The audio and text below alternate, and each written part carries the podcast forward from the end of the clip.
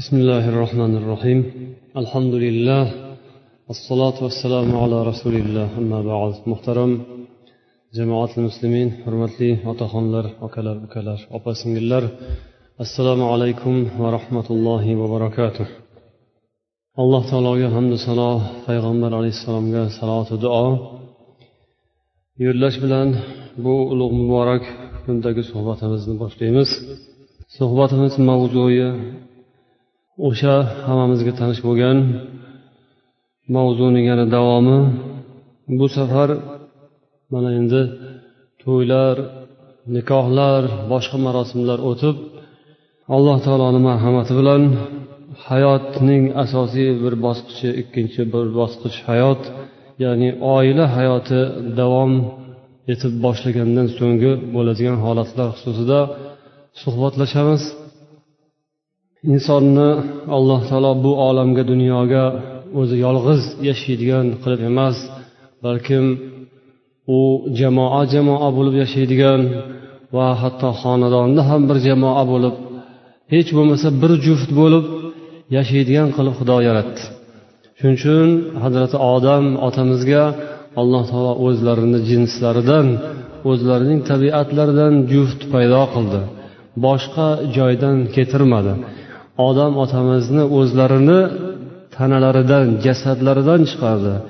Ya'ni insonni erkakni qovurg'asidan ayol dunyoga keldi. Bu chuqurroq o'ylab qarasangiz inson bir erdir bir xotindir erkak ayoldir lokin ikkovi min nafsin vohida deb qur'oni karimda bir nafsdan olloh yaratdi. Ya'ni olloh avvalambor odamni tuproqdan loydan yaratdi.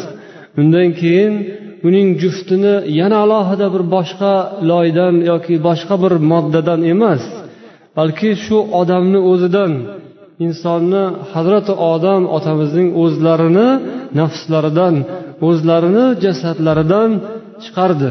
Ya'ni bu ayol bu insonning yarmi ikki yarim bir butun ikkovi shunda bir butunlik hosil qiladi. U bir jinsdan paydo bo'lgan.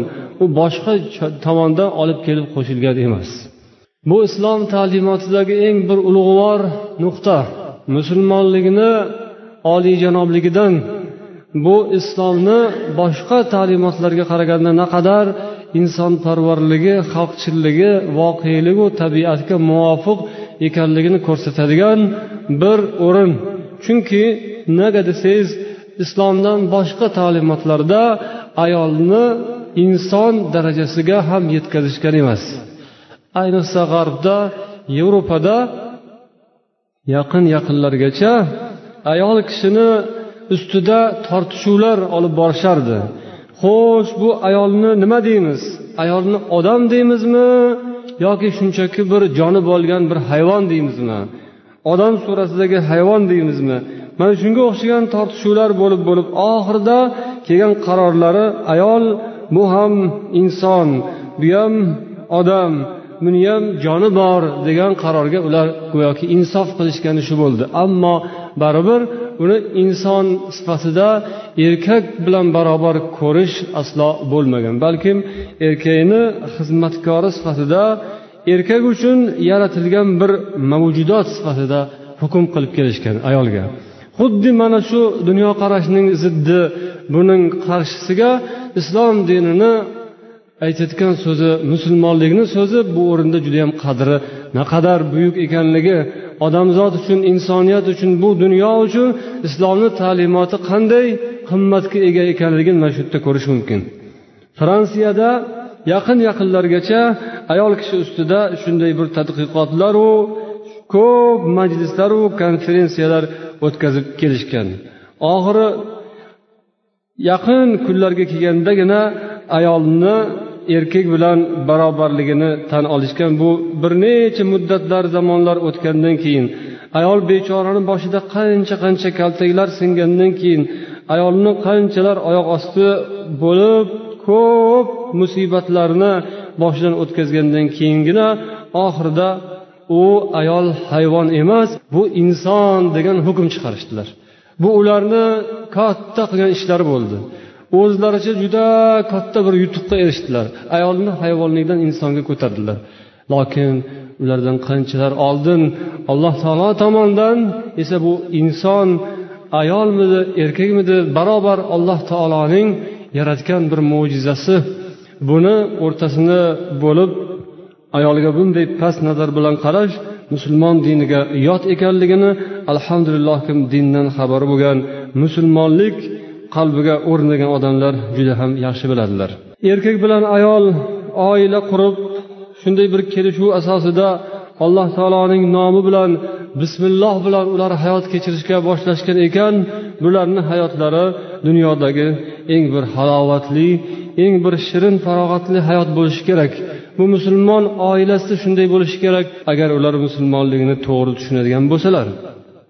Alloh taolo har biriga erkakka ham ayolga ham alohida alohida nasihatlar ko'rsatmalar va o'ziga yarasha qadru qimmatlarini mana shu dinimiz belgilab beradi.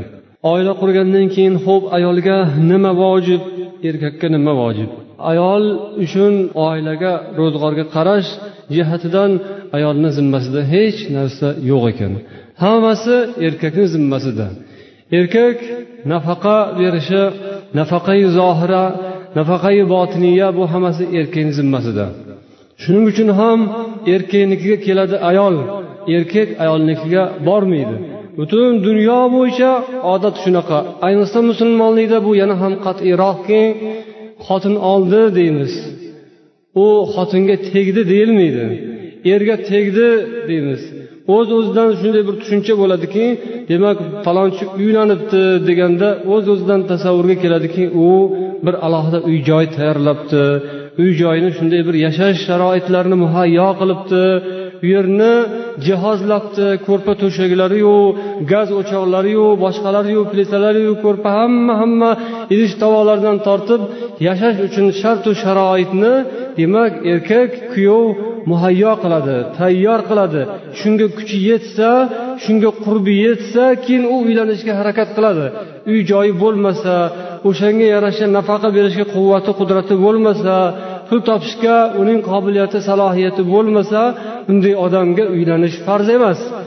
Uylanish lozim joiz sunnat vojib farz deganlar bor. Ammo shu shart bilanki u uylangandan keyin oilasini bemalol tebratishga oilasini nafaqa bilan ta'minlashga xotinini boqishga kiydirishga yedirishga ichirishga sovuqdan issiqdan himoya qilishga har xil zarar zahmatlardan uni to'sishga himoya qilishga mudofaa qilishga qodir bo'lsa shu odam uylanishga ruxsat etiladi. Ayol esa bu borada hech narsa qilish unga vojib emas o'zini himoyasi qorni egni usti boshqa boshqa tomonlaridan hech narsadan ayol kishi javobgar emas. Ayol kishini islom butunlay ozod qilib qo'ydi. Hamma narsani erkakni gardaniga qo'ydi. Agar shunga kuchingiz yetsa marhamat uylaning. Kuchingiz yetmasa unda payg'ambar sollallohu alayhi vasallam aytadilar uylanishga qurbi yetgan yigitlar uylansin. Ya'ni qurbi yetgan deganda mana shu jihatlari bor.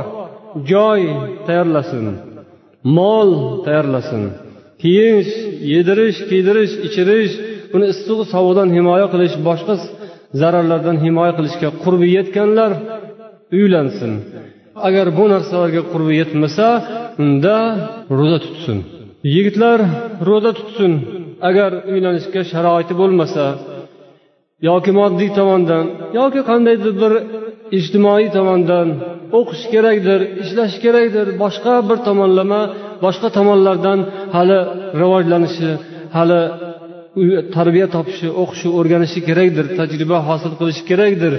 Agar shunaqa bo'lsayu lokin u endi quvvatli u endi balog'atga yetgan uylanishga qodir bo'lib turgan bo'lsayu boshqa ba'zi bir sabablarga ko'ra u hali uylanmayotgan bo'lsa bundaylarga payg'ambar sollallohu alayhi vasallam ro'za tutishni ko'rsatdilar. Ro'za tutganda odam jismoniy tomondan muvozanatga tushadi. Agar juda haddan oshib chegara bilmayotgan bo'lsa judayam bir bosar tutsani bilmay qolgan bo'lsa ro'za tutgan vaqtida ham jismonan u qandaydir bir tartibga keladi muvozanatga tushadi. E, va yana eng muhimi ruhiy jihatdan ruhan qalban axloqan tartibga tushadi. Ro'za shundayki uning talabi sharti ro'za tutgan odam faqat yemoq ichmoqdan tiyilgani o'zi ro'za bo'lmaydi. U yemoq ichmoqdan molni og'ziga setka boylab qo'ysangiz u ham endi taqdirga tan berib o'kiradi bo'kiradi. Oxirida endi u ham bir sutka ovqat yemasdan uni ham bir saqlash mumkin. Lokin bu ro'za bo'lmaydi. Ro'za insonni qalbi ruhi hayoli fikr zikrlari hayoldan o'tayotgan narsalar tartibga tushishi kerak. Har xil narsalarni hayoliga keltirmaslik kerak. Har xil holatlarga berilsa u ro'za bo'lmaydi. Ro'zasi ushalishi mumkin savobi ketishi mumkin. Shuning uchun ro'za tutganda inson ham jismonan ham ruhan tarbiyalanadi. Rasululloh yo uylansin uylanadigan bo'lsa mana bu shartlarni bajo qilsin. Agar hali unga qodir bo'lmasa o'zidan qo'rqsa nafsidan qo'rqsa gunohkor bo'lib qolishdan qo'rqsa ro'za tutishga payg'ambar buyurdilar. Demak oila ishida erkakni zimmasida erni kuyovning zimmasidadir hamma ishlar hamma javobgarlik. Allohning rasuli payg'ambarimiz sollallohu alayhi vasallam hadislarida dedilar. Ya'ni sizlarni zimmalaringizda ularning haqqi bor.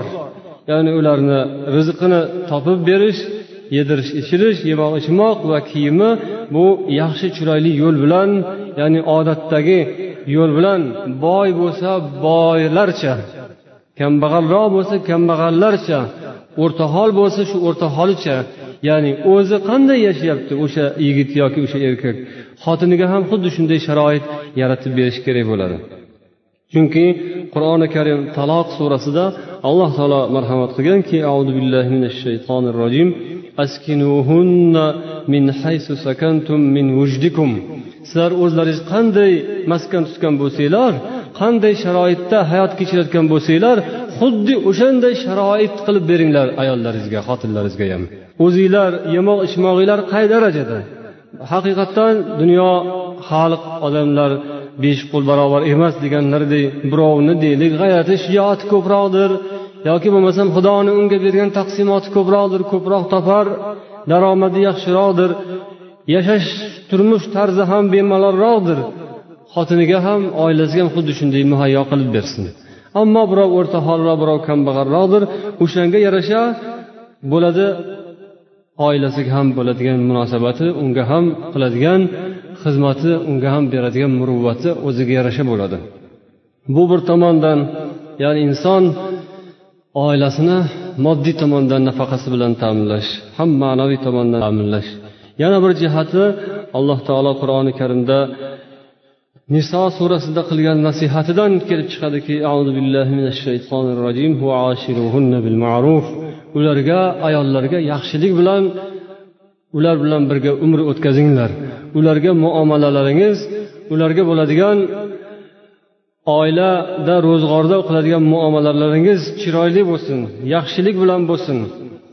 Ularga zarar yetkazish ularni xafa qilish nohaq ularni xafa qilish bu mo'min musulmon odamga to'g'ri kelmaydigan narsa. Deylik uni moddiy tomondan yoki boshqa jihatlardan yaxshilab ta'minlab qo'ygan bo'lishi mumkin. Lokin o'sha erkakni xulqi yomonroq badjahlroq badxulqroq badqovoqroq erkak bo'lishi mumkin. Mana shu jihatdan bil ma'ruf deb olloh tomonidan qilingan nasihatga u bo'ysunmagan erkak bo'ladi. Ya'ni xotinini juda chiroyli qilib kiydirib yedirib ichirib ostonasi tillodan deganidek hamma yog'ini muhayyo qilib qo'yishi mumkin. Ammo muomalasi chatoroq bo'lishi mumkin. Bir janjalkashroq shu qildan qiyiq topadigan yo tuzlik tuzni tuzni ko'p solyapsan yoki bo'lmasam tuzni kam solibsan bu qilibsan bu qilibsan tursa so'poq o'tirsa o'poq degandek mana shunaqangi har bir qadamidan har bir ishidan qing'ir topadigan qildan qiyiq axtaradigan holatda bo'lmanglar degan mazmun bilan alloh taolo yaxshi muomala qilinglar dedi. U pul pulida yoki moli dunyosida yedirish kiydirish ichirishdan tashqari ayollarga bo'ladigan erkaklarni muomalalarini ham olloh va payg'ambarimiz belgilab berdilar. Va payg'ambar sollallohu alayhi vasallam dedilarki sizlarni ichlaringizdagi yaxshi odamlar shunday bo'ladilarki ayollariga oilalariga turmush o'rtoqlariga yaxshi munosabatda bo'ladiganlaringiz sizlarni yaxshilaringiz dedilar va o'zlarini shunda ibrat qilib ko'rsatdilarki xayrukum xayrukum li ahlihi va ana xayrukum li ahli.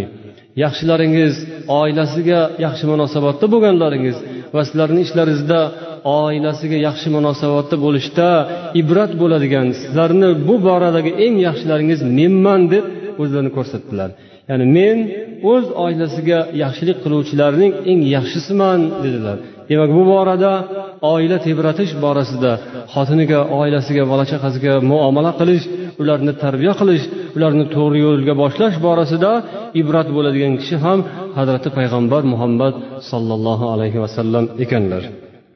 Rasululloh sollallohu alayhi vasallamni ummatlari bo'lgan erkaklar oila masalasida payg'ambar alayhissalotu vassalomdan ibrat o'rnak olishlari kerak.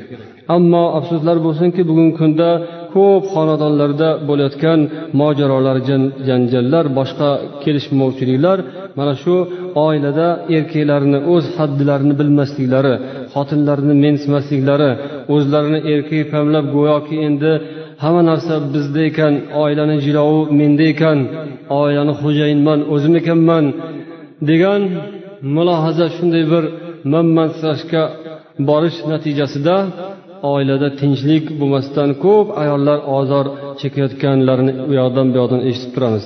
Hali suhbatimizni oxirrog'ida ham aytib o'tarmiz. Bizga yakkabog' rayonidan qashqadaryodan kelgan bir xatni qisqacha qilib sizlarga o'qib ham eshittirarmiz.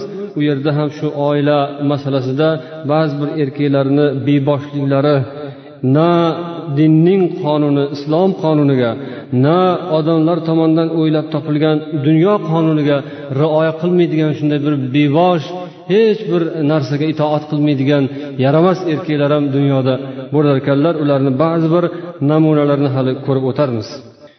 O'zi odatda darhaqiqat oilada rahbar boshliq qilib islom dinimiz erkakni bosh qilib qo'ygan. Lokin bu degani erkak nima xohlasa shuni qilishi baqirib chaqirib urib tepib shunday qilib oilasini boshqarishi degan so'z emas. Baqirish boshqa haddan tashqari qattiq zug'um o'tkazish bu insonni zaifligi alomatlaridan biri. Ya'ni shu yaxshi gap bilan to'g'ri so'z bilan chiroyli nasihat bilan gapini o'tkazolmagan odam xotiniga qo'l ko'taradi yoki baqiradi aynab aljab har xil haqoratomuz so'zlarni tiliga oladi. O'sha tili deylik bebosh tili jilovi yo'q qo'lini jilovi yo'q bo'lgan erkak demak bu zaif erkak. U kuchsiz erkak. Agar o'sha erkak haqiqatan ham oilasida hurmati bo'lsa edi uni haqiqatan ham quvvati bo'lsa edi uni haqiqatan ham bir ma'naviy ta'siri bo'lsa edi xotiniga baqirib chaqirish yoki qo'l ishlatish unga qo'l ko'tarish kuch ishlatishga hech ham hojat bo'lmasdi. Kuch ishlatish yoki bo'lmasam qo'l ko'tarish bu insonni irodasi zaifligini alomati to'g'ri so'z bilan chiroyli gap bilan gapini unga ma'qul qildira olmaganligidan alam qilganligidan u qo'lini ishga solib o'ch olishga o'tadi. Musulmonligimiz demak insonlar o'rtasida kuch bilan do'q po'pisa bilan bunday kaltak bilan qo'l ko'tarish bilan emas eng avvalambor so'z bilan chiroyli va'z nasihat bilan da'vat bilan yo'lga boshlashga dinimiz buyuradi. Payg'ambar sollallohu alayhi vasallam oilalarga bo'lgan yaxshi munosabatlarini namunalari sifatida kitoblarida hazrati oysha roziyallohu anhu onamizga payg'ambar alayhissalomni muomalalarini misol qilib keltirishadi. Payg'ambar sollallohu alayhi vasallam oysha onamizga uylanganlarida u kishi oysha onamiz judayam yosh edilar. Hali qo'g'irchoq o'ynashdan ham to'xtamagan qiz bola holatlari edi. Bir kuni payg'ambar alayhissalotu vassalom kirsalar oysha onamiz o'zlarini o'rtoqlari bilan qo'g'irchoq o'ynab o'tirgan holatlari ekan. Shunda yonlaridagi o'rtoqlari payg'ambar alayhissalomni haybatlaridan biroz cho'chib darrov yashirinishib o'zlarini panaga oladilar. Rasululloh sollallohu alayhi vasallam esa bir chiroyli muomala bilan bularni yana birgalashib o'ynashga taklif qiladilar. Ya'ni bu bilan o'sha oilada oilaga ayoliga juftu haroliga bir yaxshi shirin muomalada bo'lish har bir narsada ularga judayam bir qattiq ziqnalik qilib qattiq qistubaslikka olish tazyiq o'tkazish bu musulmonlikka to'g'ri kelmaydigan odatlardan ekanligi. Ayollarni faqatgina oliyjanob mard erkaklargina hurmat qiladilar ehtirom qiladilar. Ammo pastkash razil odamlargina ayollarni behurmat qiladi. Demak ayollarni oiladagi haqqi huquqilardan bir qismini aytib o'tdik. Ularni huquqlari shu ekanki erlarini hurmatlariga ular sazovor ekan. Erlarini nafaqasiga ular sazovor ekan. Endi navbati bilan erkaklarni ham haqqi huquqini eslab o'tamiz. Erkaklarni ayollar ustidagi haqqilaridan birinchisi shu ekanki erlari ayollarini yonlariga chaqirsalar ular itoat qilishi shart ekan. Agar ayol bu o'rinda itoat qilmasa erkak o'ziga chaqirganda xotinini yoniga chaqirganda kelmasa itoat qilmasa deydilar agar eri shundan achchig'i chiqsa g'azablansa to tongga qadar farishtalar o'sha ayolni ustiga la'nat aytib turadilar. Chunki alloh taolo eru xotinni bir biriga shunday nikoh bilan bir oilada bir xonadonda yashashlarini olloh iroda qilgan ekan bu bilan ko'p yomon yaramas ishlar ko'p buzg'unchiliklarni oldi to'siladi. Lokin oilada ayol agar itoatsiz bo'lsa bevosh bo'lsa unda erkak uni xayoli buziladi. Erkakni yo'li buzilishi mumkin. Oilada notinchlik bo'lib erkak o'zini lekin nasibasini boshqa tomondan izlashga harakat qilishi mumkin. Erkakni buzilib yo'ldan chiqib ketishga ayol xonadonda ayolni itoatsizligi ayolni shunday beboshligi erkaklarni yomon bo'lishiga yo'ldan chiqishiga sabab bo'ladi. Shuning uchun ham xalq erni er qilgan ham xotin qaro yer qilgan ham xotin degan so'zlari bejiz emas. Payg'ambar shuning uchun ham ayollarga erdan beruxsat nafl ro'za tutishni man etdilar.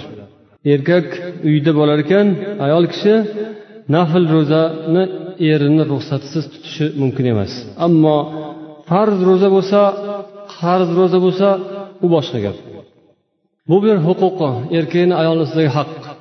Ikkinchi yana bir haqqi shundan iboratki mabodo erkak kishi biron joyga safarga ketadigan bo'lsa ayol uni erkagini hurmatini obro'sini molini o'zini nafsini o'zining iffatini saqlay bilish. Payg'ambar sollallohu alayhi vasallam hadislarida ham yaxshi ayolni ta'riflagan paytlarida soliha ayol yaxshi ayol shunaqa bo'ladiki seni yo'g'ingda senga va molingga xiyonat qilmaydi. Ya'ni ba'zi bir ayollar erini topgan tutganini hech oyog'ini yerga tekkazmasdan hali u yoqqa hali bu yoqqa bir pasda ship shiydon qilib bir pasda saromjon sarishta qilib tashlayverar ekan. Erkagi topib kelaverar ekan lokin uyda baraka bo'lmas ekan. Ayolni qo'li shunaqa bebaraka ayol bexosiyat bo'lsa erini moli dunyosini qadriga yetmaydi. So'ramasdan eridan ijozatsiz ruxsatsiz u yoqqa bu yoqqa sarf qilib yuboraveradi. Xohlagan narsasini olib kiyib oladi yoki bo'lmasam xohlagan qarindoshlariga o'zini aka ukalariga yoki boshqa qarindoshlarga bildirmasdan erini ko'zini shamg'alat qilib turib eri topib kelgan narsalarni taqsimlab yo'qotib yuboraveradi. Bu ayolni rasululloh maqtamaganlar. Balkim erni topib kelganini rasamati bilan tartibi bilan iqtisodi bilan chiroyli yaxshi yo'llarga sarflash er bilan bamaslahat ish ko'rish bu soliha ayol yaxshi ayol deb rasulullohni maqtovlariga sazovor bo'ladi. O'zining nafsida ham xiyonat qilmaydi. Eri bir joyga ketgan paytida ayol to er kelguncha chaqqa chiqmasdan o'tirish kerak eridan beruxsat. U yoqqa bu yoqqa ketib qolmaslik kerak. Illo eridan ruxsat so'rab man falon joyga borib kelaman deyishi kerak. Yaqin yon atrofi qoni qo'shnilari qarindosh urug'larini ziyorati zarur bo'lsa xayr undan mustasno.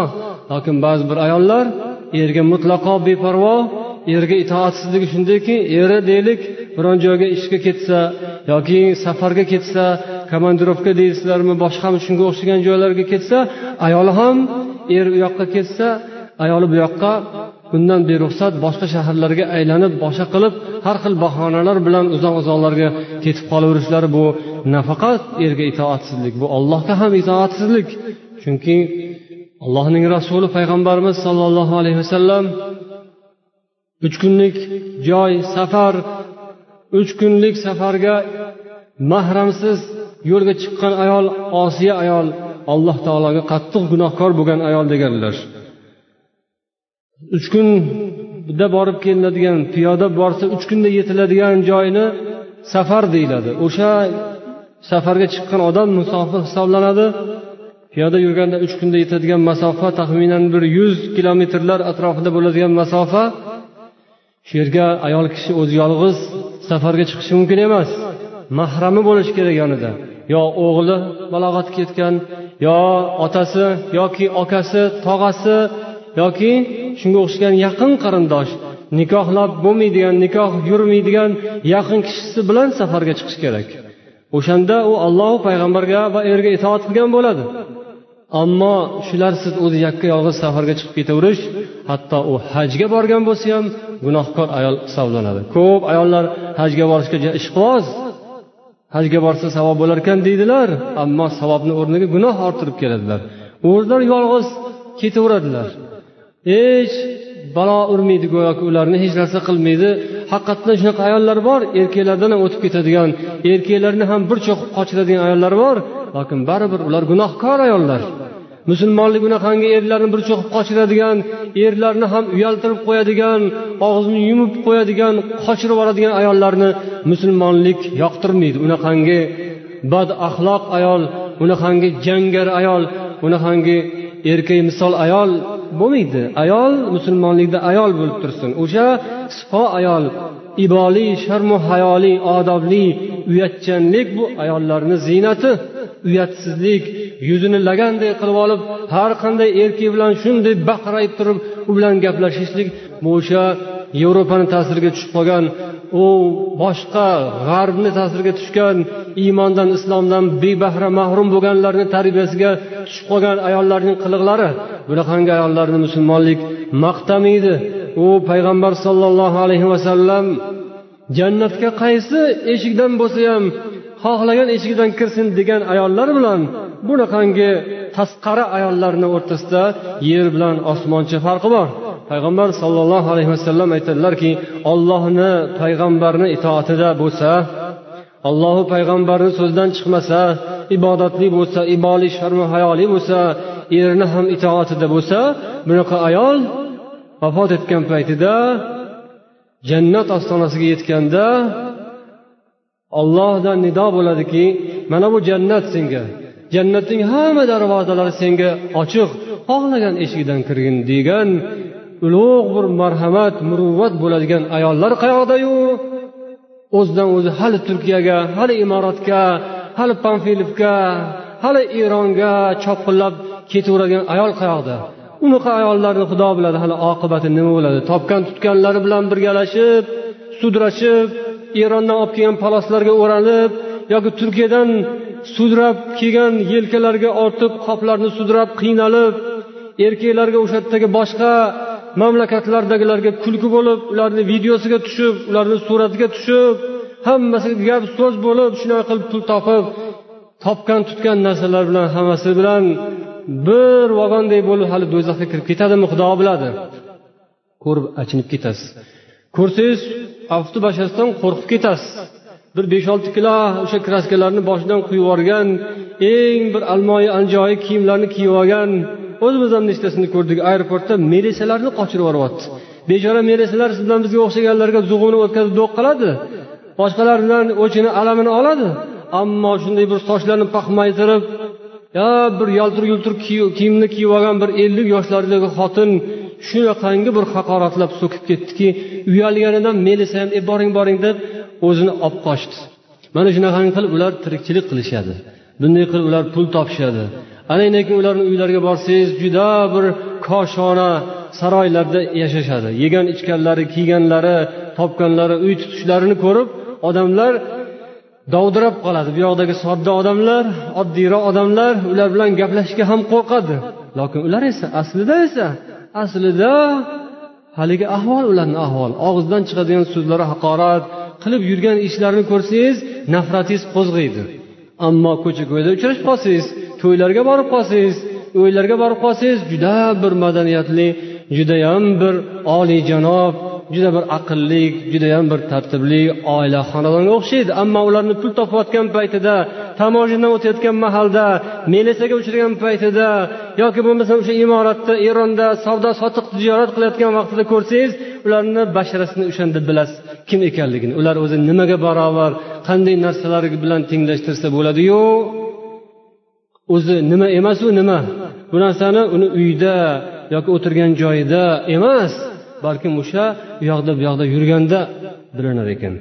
Payg'ambar sollallohu alayhi vasallam shuning uchun musulmon ayollarni mahramsiz yonida erisiz yoki otasisiz bolasisiz safarga chiqishlarini harom qildilar. Chunki er degan jonivor agar haqiqatdan er bo'lsa haqiqiy erkak bo'lsa ayolini hali melisa bilan bo'g'ishayotganda yoki bo'lmasam o'sha tijorat qilib har xil holatga o'zini solib o'zini yerga urib yalinib haligi tijoratchi savdogarlarni oldida eriga gapirmagan chiroyli gaplarini o'sha tijoratchiga gapirib yoki erga qilmagan nozik qarashma qiliqlarini o'sha ko'cha ko'ydagi nomahram nopok odamlarga qilib o'shanday qiliqlarni ko'rsatib ularni puli molini olish uchun ularni lattasini olish uchun ularni puttasini olish uchun o'shalarni foydasini olish uchun qilayotgan qiliqlarini agar eri yonida bo'lsa agar unda erida rashk bo'lsa o'sha erida ozgina g'urur bo'lsa yo'l qo'ymaydi shuning uchun eri bilan bo'lsin deyilgan. Yoki bo'lmasam okasi bilan bo'lsin ukasi bilan bo'lsin yoki otasi bilan bo'lsin deyilgan chunki ota degan o'shani go'daklik chog'idan bir parcha go'shtlik paytidan boshlab tarbiya qilgan o'sha xotinni. Bugun katta xotin bo'lib qolgan bo'lsa ham lokin otasi uchun u qizdi otasi hech bo'lmasa otasini sal g'ururi keladida o'zi tarbiya qilgan qiz bugun katta xotin bo'lib lokin kattaligini yerga urib o'zini o'zi xor qilib yoki o'zini bir xunuk ahvolga solib turib shunday bir yomon suratlarda behayo uyatsiz suratlarda talashib tortishayotganligini otasi ko'rganda ey qizim jabunchalik bo'lmagin. Ey o'lgin shunday bo'lgandan ko'ra shunaqa qilib mol talashib pul talashib ozgina narsa talashib ozgina narsa orttiraman deb o'zingni bunchalar xor qilgin deb sani onang tuqqan emasku qizim. Man seni shunday qilib tarbiya qiluvdimmi desa kerakda agar ozgina iymoni vijdoni bor ota bo'lsa qizga shunaqa deb nasihat qilsa kerak deb otasi bilan bo'lsin safarga deyiladi. Yo'q erlari og'ir og'ir yuklarni sudrashib aeroportga olib chiqishib qo'llariga gullarni tutqazib yaxshi borib keling yaxshi borib keling qilib o'sha yerdan o'pishib o'sha yerdan aeroportga xotinlarni o'tkazib jo'natib yuboraveradilar. Mana bu mard erkakni ishi. Ha bizni xotin u yoqqa borib bu yoqqa borib tijorat qilib kelyapti deb yana uyalmay netmasdan erkaklarga o'zlarini oshna og'aynilarga maqtanib yuradigan erkaklar ham yo'q emas. Bunaqalari juda ko'p.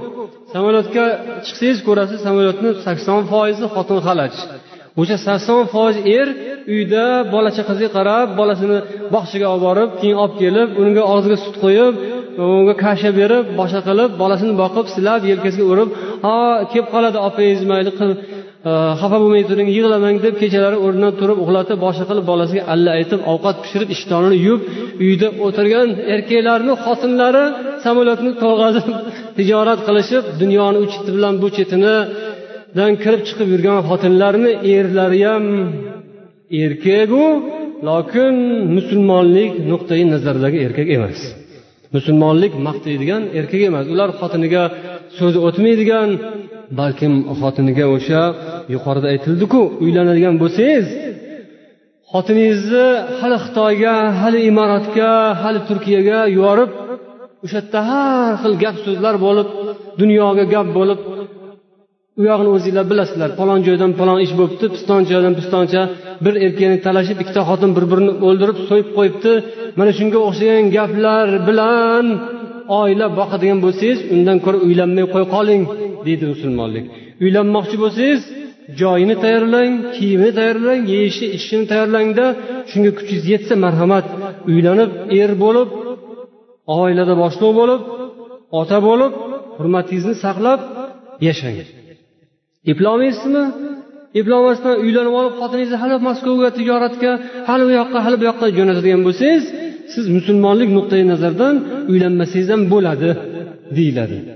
Uylangan odam demak erkak kishi erligida turib oilasini boqsin o'zi ishlasin topsin oilasini to'yg'azsin to'lg'azsin chiroyli qilib el yurtdan orqada qolmaydigan qilib qo'ysin. Bu haqiqiy erkak kishi musulmonlik shuni erini bo'yniga farz qilib qo'yadi. Ollohdan qo'rqqan erkak mana shu narsalarni bajaradi va oilasini shunga yarasha tarbiya qiladi o'zi ham tarbiyalangan bo'ladi va oilasiga gapirsa uni gapini oilasi tushunadi. Agar ozgina kami bo'lsa sabr qiladi bardoshli bo'ladi. Erkak ham xotin ham boriga shukur qilib yo'g'iga sabr qilib o'tolmaydi bu musulmon oilasi bo'lsa shunaqa bo'ladi. Albatta demak ayolni erkakni oldidagi vazifalari deganda biz erkakka ayol itoat qilsin degan gapdan kelib boshladik. Mana shu masalalarda ham erkaklarga ayollar itoat qilish kerak. Siz uyda o'tiring mana xotin bola chaqaga qarang bilan tarbiya qiling o'qiting odob o'rgating axloq o'rgating deb ko'proq bola chaqani tarbiyasi ayollarga bog'liq bo'ladi. Ayol ko'proq uyda bo'lsa farzandlarni tarbiyasi yaxshi bo'ladi. Erkak kishi ko'proq ko'chada bo'ladi ish bilan band bo'ladi. Shuning uchun tarbiyada asosiy o'rinni ayollar tutishadi. Shuning uchun ham qadim qadimdan biz ilgari ham necha marotabalar aytganmiz ayollari yaxshi bo'lgan xonadonni bolasi yaxshi bo'lgan ayollari yomon bo'lgan xonadonni bolasi yomon bo'lgan ayoli muslima mo'mina bo'lgan kofir erkakning xotini fir'avn kofir xudosiz o'zini xudo deb davo qilgan fir'avnning xotini mo'mina muslima ayol bo'lganlari uchun u kishi tarbiya qilgan farzand hazrati muso bo'lib kelajakda payg'ambar bo'lib xalqni zalolatdan hidoyatga qorong'ulik zulmatdan nurga baxtu saodatga boshlab olib chiqishga yaroqli bir inson qur'oni karimda alloh taoloning maqtoviga biz so'zlaganda muso alayhissalom deb bizning olqishimizga sazovor bo'lgan insonni tarbiya qilgan tarbiyachilari muslima mo'mina bo'lgan. Oilada otalik vazifasini ushlab turgan fir'avn kofir bo'lgan bo'lsa ham. Ammo hazrati nuh o'zlari payg'ambar bo'lsalar ham odamlarni iymonga islomga da'vat qilib najot kemasiga olib chiqqan bo'lsalar ham o'g'illari nobakor farzand badbaxt farzand bo'lgan ekan. Alloh asrasin billah o'shanday farzandlardan u otasini yo'liga so'ziga kirmadi. Man mana bu tog'ni tepasiga chiqib o'zimni jonimni qutqaraman dedi. Lokin birinchi halok bo'lganlar qatorida u halok bo'ldi. Chunki uning tarbiyachisi onasi ana shunday iymonga kelmaganlardan edi deydilar. Shuning uchun ayol uyda o'tirib iymonli bo'lsa e'tiqodli sharmu hayoli bo'lsa undan qo'lidan chiqqan farzandlar yaxshi tarbiya olib chiqadi. Bu degani ayollar ishlashi harom degani emas. Agar erkak va ayol er xotin ikkovlari kelishib biron bir muhtojlik tug'ilib qolsa ayoli ishlasa lokin ishlaganda ham haliginga o'xshagan hammaga tomosha bo'lib emas o'zini xor qilib emas balki o'sha chiroyli islomiy libosida sharmu hayosida ibodatida mustahkam bo'lib allohu payg'ambar yo'llariga xilof ish qilmasdan ozoda pokiza o'ziga munosib ish bo'lsa uni diniga iymoniga zarar yetmaydigan ish bo'lsa xayr bunda judayam oyoqni tirab turib olinmaydi. Ishlasa joiz lokin ayolning vazifasi emas. U ishlab pul topish ayolni bo'ynidagi gardanidagi ish emas. Zarurat bo'lsa ruxsat bo'ladi lokin haligi shartlari bilan. Hozircha shu yerda to'xtaymiz. Inshaalloh hali yana boshqa ba'zi bir jihatlari bor. Erkak ayollar o'rtasida bir birlariga bo'ladigan munosabatlarida hozir esa suhbatimizning oxirida hali boshida aytib o'tganimdek qashqadaryodan yakkabog' rayonidan kelgan bir xatni mazmuni bilan sizlarni tanishtiraman. Assalomu alaykum qora aka. Men qashqadaryoning yakkabog' rayonidanman deb yozibdilar. Bir opam besh vaqt namoz o'qir edi. Xo'jayinlari bir farzandlik bo'lsang o'qiysan deb namozni o'qishga ruxsat bermadi.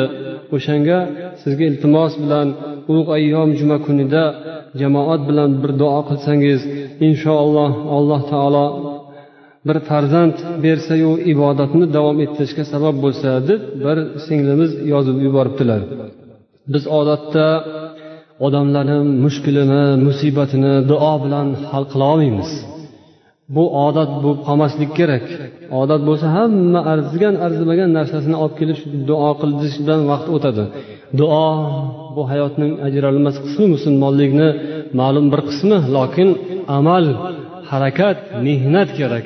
Mehnat mashaqqat harakat bilan keyin duo bo'ladi. Shuning uchun mehnat mashaqqat harakat deganda mana bunday nobakor erkakka baho ham berish kerak. U faqat duo qilishni o'zi bilan emas keyin duo qilsak balkim duomiz mutobiq keladi. Ya'ni bu demoqchi bo'lganimki bunaqa erkaklar ya'ni ayoliga namoz o'qiysan yo o'qimaysan deb xo'jayinlik qiladigan erkaklar bular xudo bilan o'zini tenglashtirgan bo'ladi. Chunki namozni kim buyurgan? Domla buyurgan emas ota ona buyurgan emas faqat payg'ambar buyurgan emas olloh buyurgan. Ollohni buyrug'ini to'xta buni qilmay tur bir bola tug'sang keyin namoz o'qiysan deyish u o'zini olloh bilan barobar qilishdi. Alloh taolo bunaqa shart qo'ymaganku. Bu xotin kim o'zi? Ayol kim o'zi? Biz yuqorida aytdik musulmonlik ayolni qul deb emas ayolni xizmatkor deb emas ayolni erkagini bir bo'lagi deb erkagini bir ma'lum qismi bu. Ikkovi bir butun bo'ladi keyin hayot butun bo'ladi deb qaraydi musulmonlik. Mana bular esa ayolni qul sifatida qaragan erkaklar. Bular hali islomga osilib ham ko'radi. Islom ayolni unday qilgan bunday qilgan chor devor o'rtasiga olib kirib qo'ygan paranjiga tiqqan o'qigan bo'qigan ayolni erkakni quliga aylantirgan xullas kalom ularni afsonasi tugamaydi. Ammo amalda esa amalda mana musulmonlarni hayotini ko'rishingiz mumkin va nomusulmonning hayotini ko'rishingiz mumkin. Mana bu bir nomusulmon erkakning hayoti. Bu amalda xotinini o'ziga qul qilmoqchi bo'lgan erkak. Ya'ni qul shunaqada xo'jayinni aytganini qiladi. Namoz o'qiysan o'qimaysan islomda hatto qullarga ham bunaqa muomala qilinmaydi. Agar qul musulmon bo'lsa islomda iymonli bo'lsa ibodat qilaman desa xo'jayini ey shoshma man senga pul to'laganman. Sani man pulga sotib olganman. Bu namoz o'qiyotgan vaqtingni ham man pulga sotib olganman. Shuning uchun namoz o'qimaysan ma'lum aytgan ishimni qilasan deyishga musulmonlikdagi mabodo qul sotib olgan bo'lsa o'sha xo'jayinning ham haqqi yo'q. Chunki bu qul xo'jayinning quli emas aslida bu ollohning quli.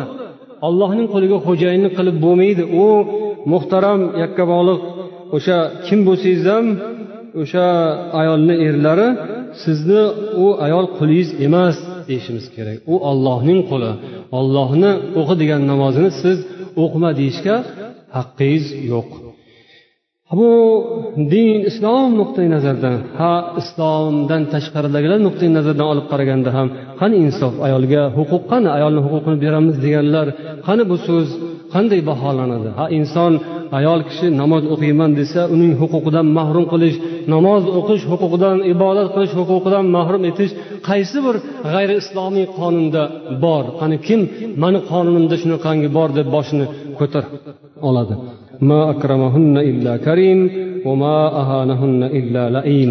Ayollarni faqatgina mard olijanob erkaklar hurmat qiladilar pastkash razil inson esa ayollarni oyoq osti qiladi behurmat qiladi huquqidan mahrum qiladi. Demak o'sha ro'mol o'ratmayotgan majburlab ro'mol o'ramaysan deyotgan erkak namoz o'qimaysan deyotgan erkak pastkash erkak chunki ayolni huquqidan mahrum qildi uni behurmat qildi bu erkak kim bo'lsa ham pastkash erkak bo'lib qoladi alloh taolo hammalarimizga insof tavfiq berib ayollarga xotin qizlarga yaxshi chiroyli muomalada bo'lishni ularni huquqlarini ta'minlashni nasib etsin سبحانك اللهم وبحمدك أشهد أن لا إله إلا أنت أستغفرك وأتوب إليك. اللهم صل على محمد وعلى آله وأصحابه أجمعين برحمتك يا كرم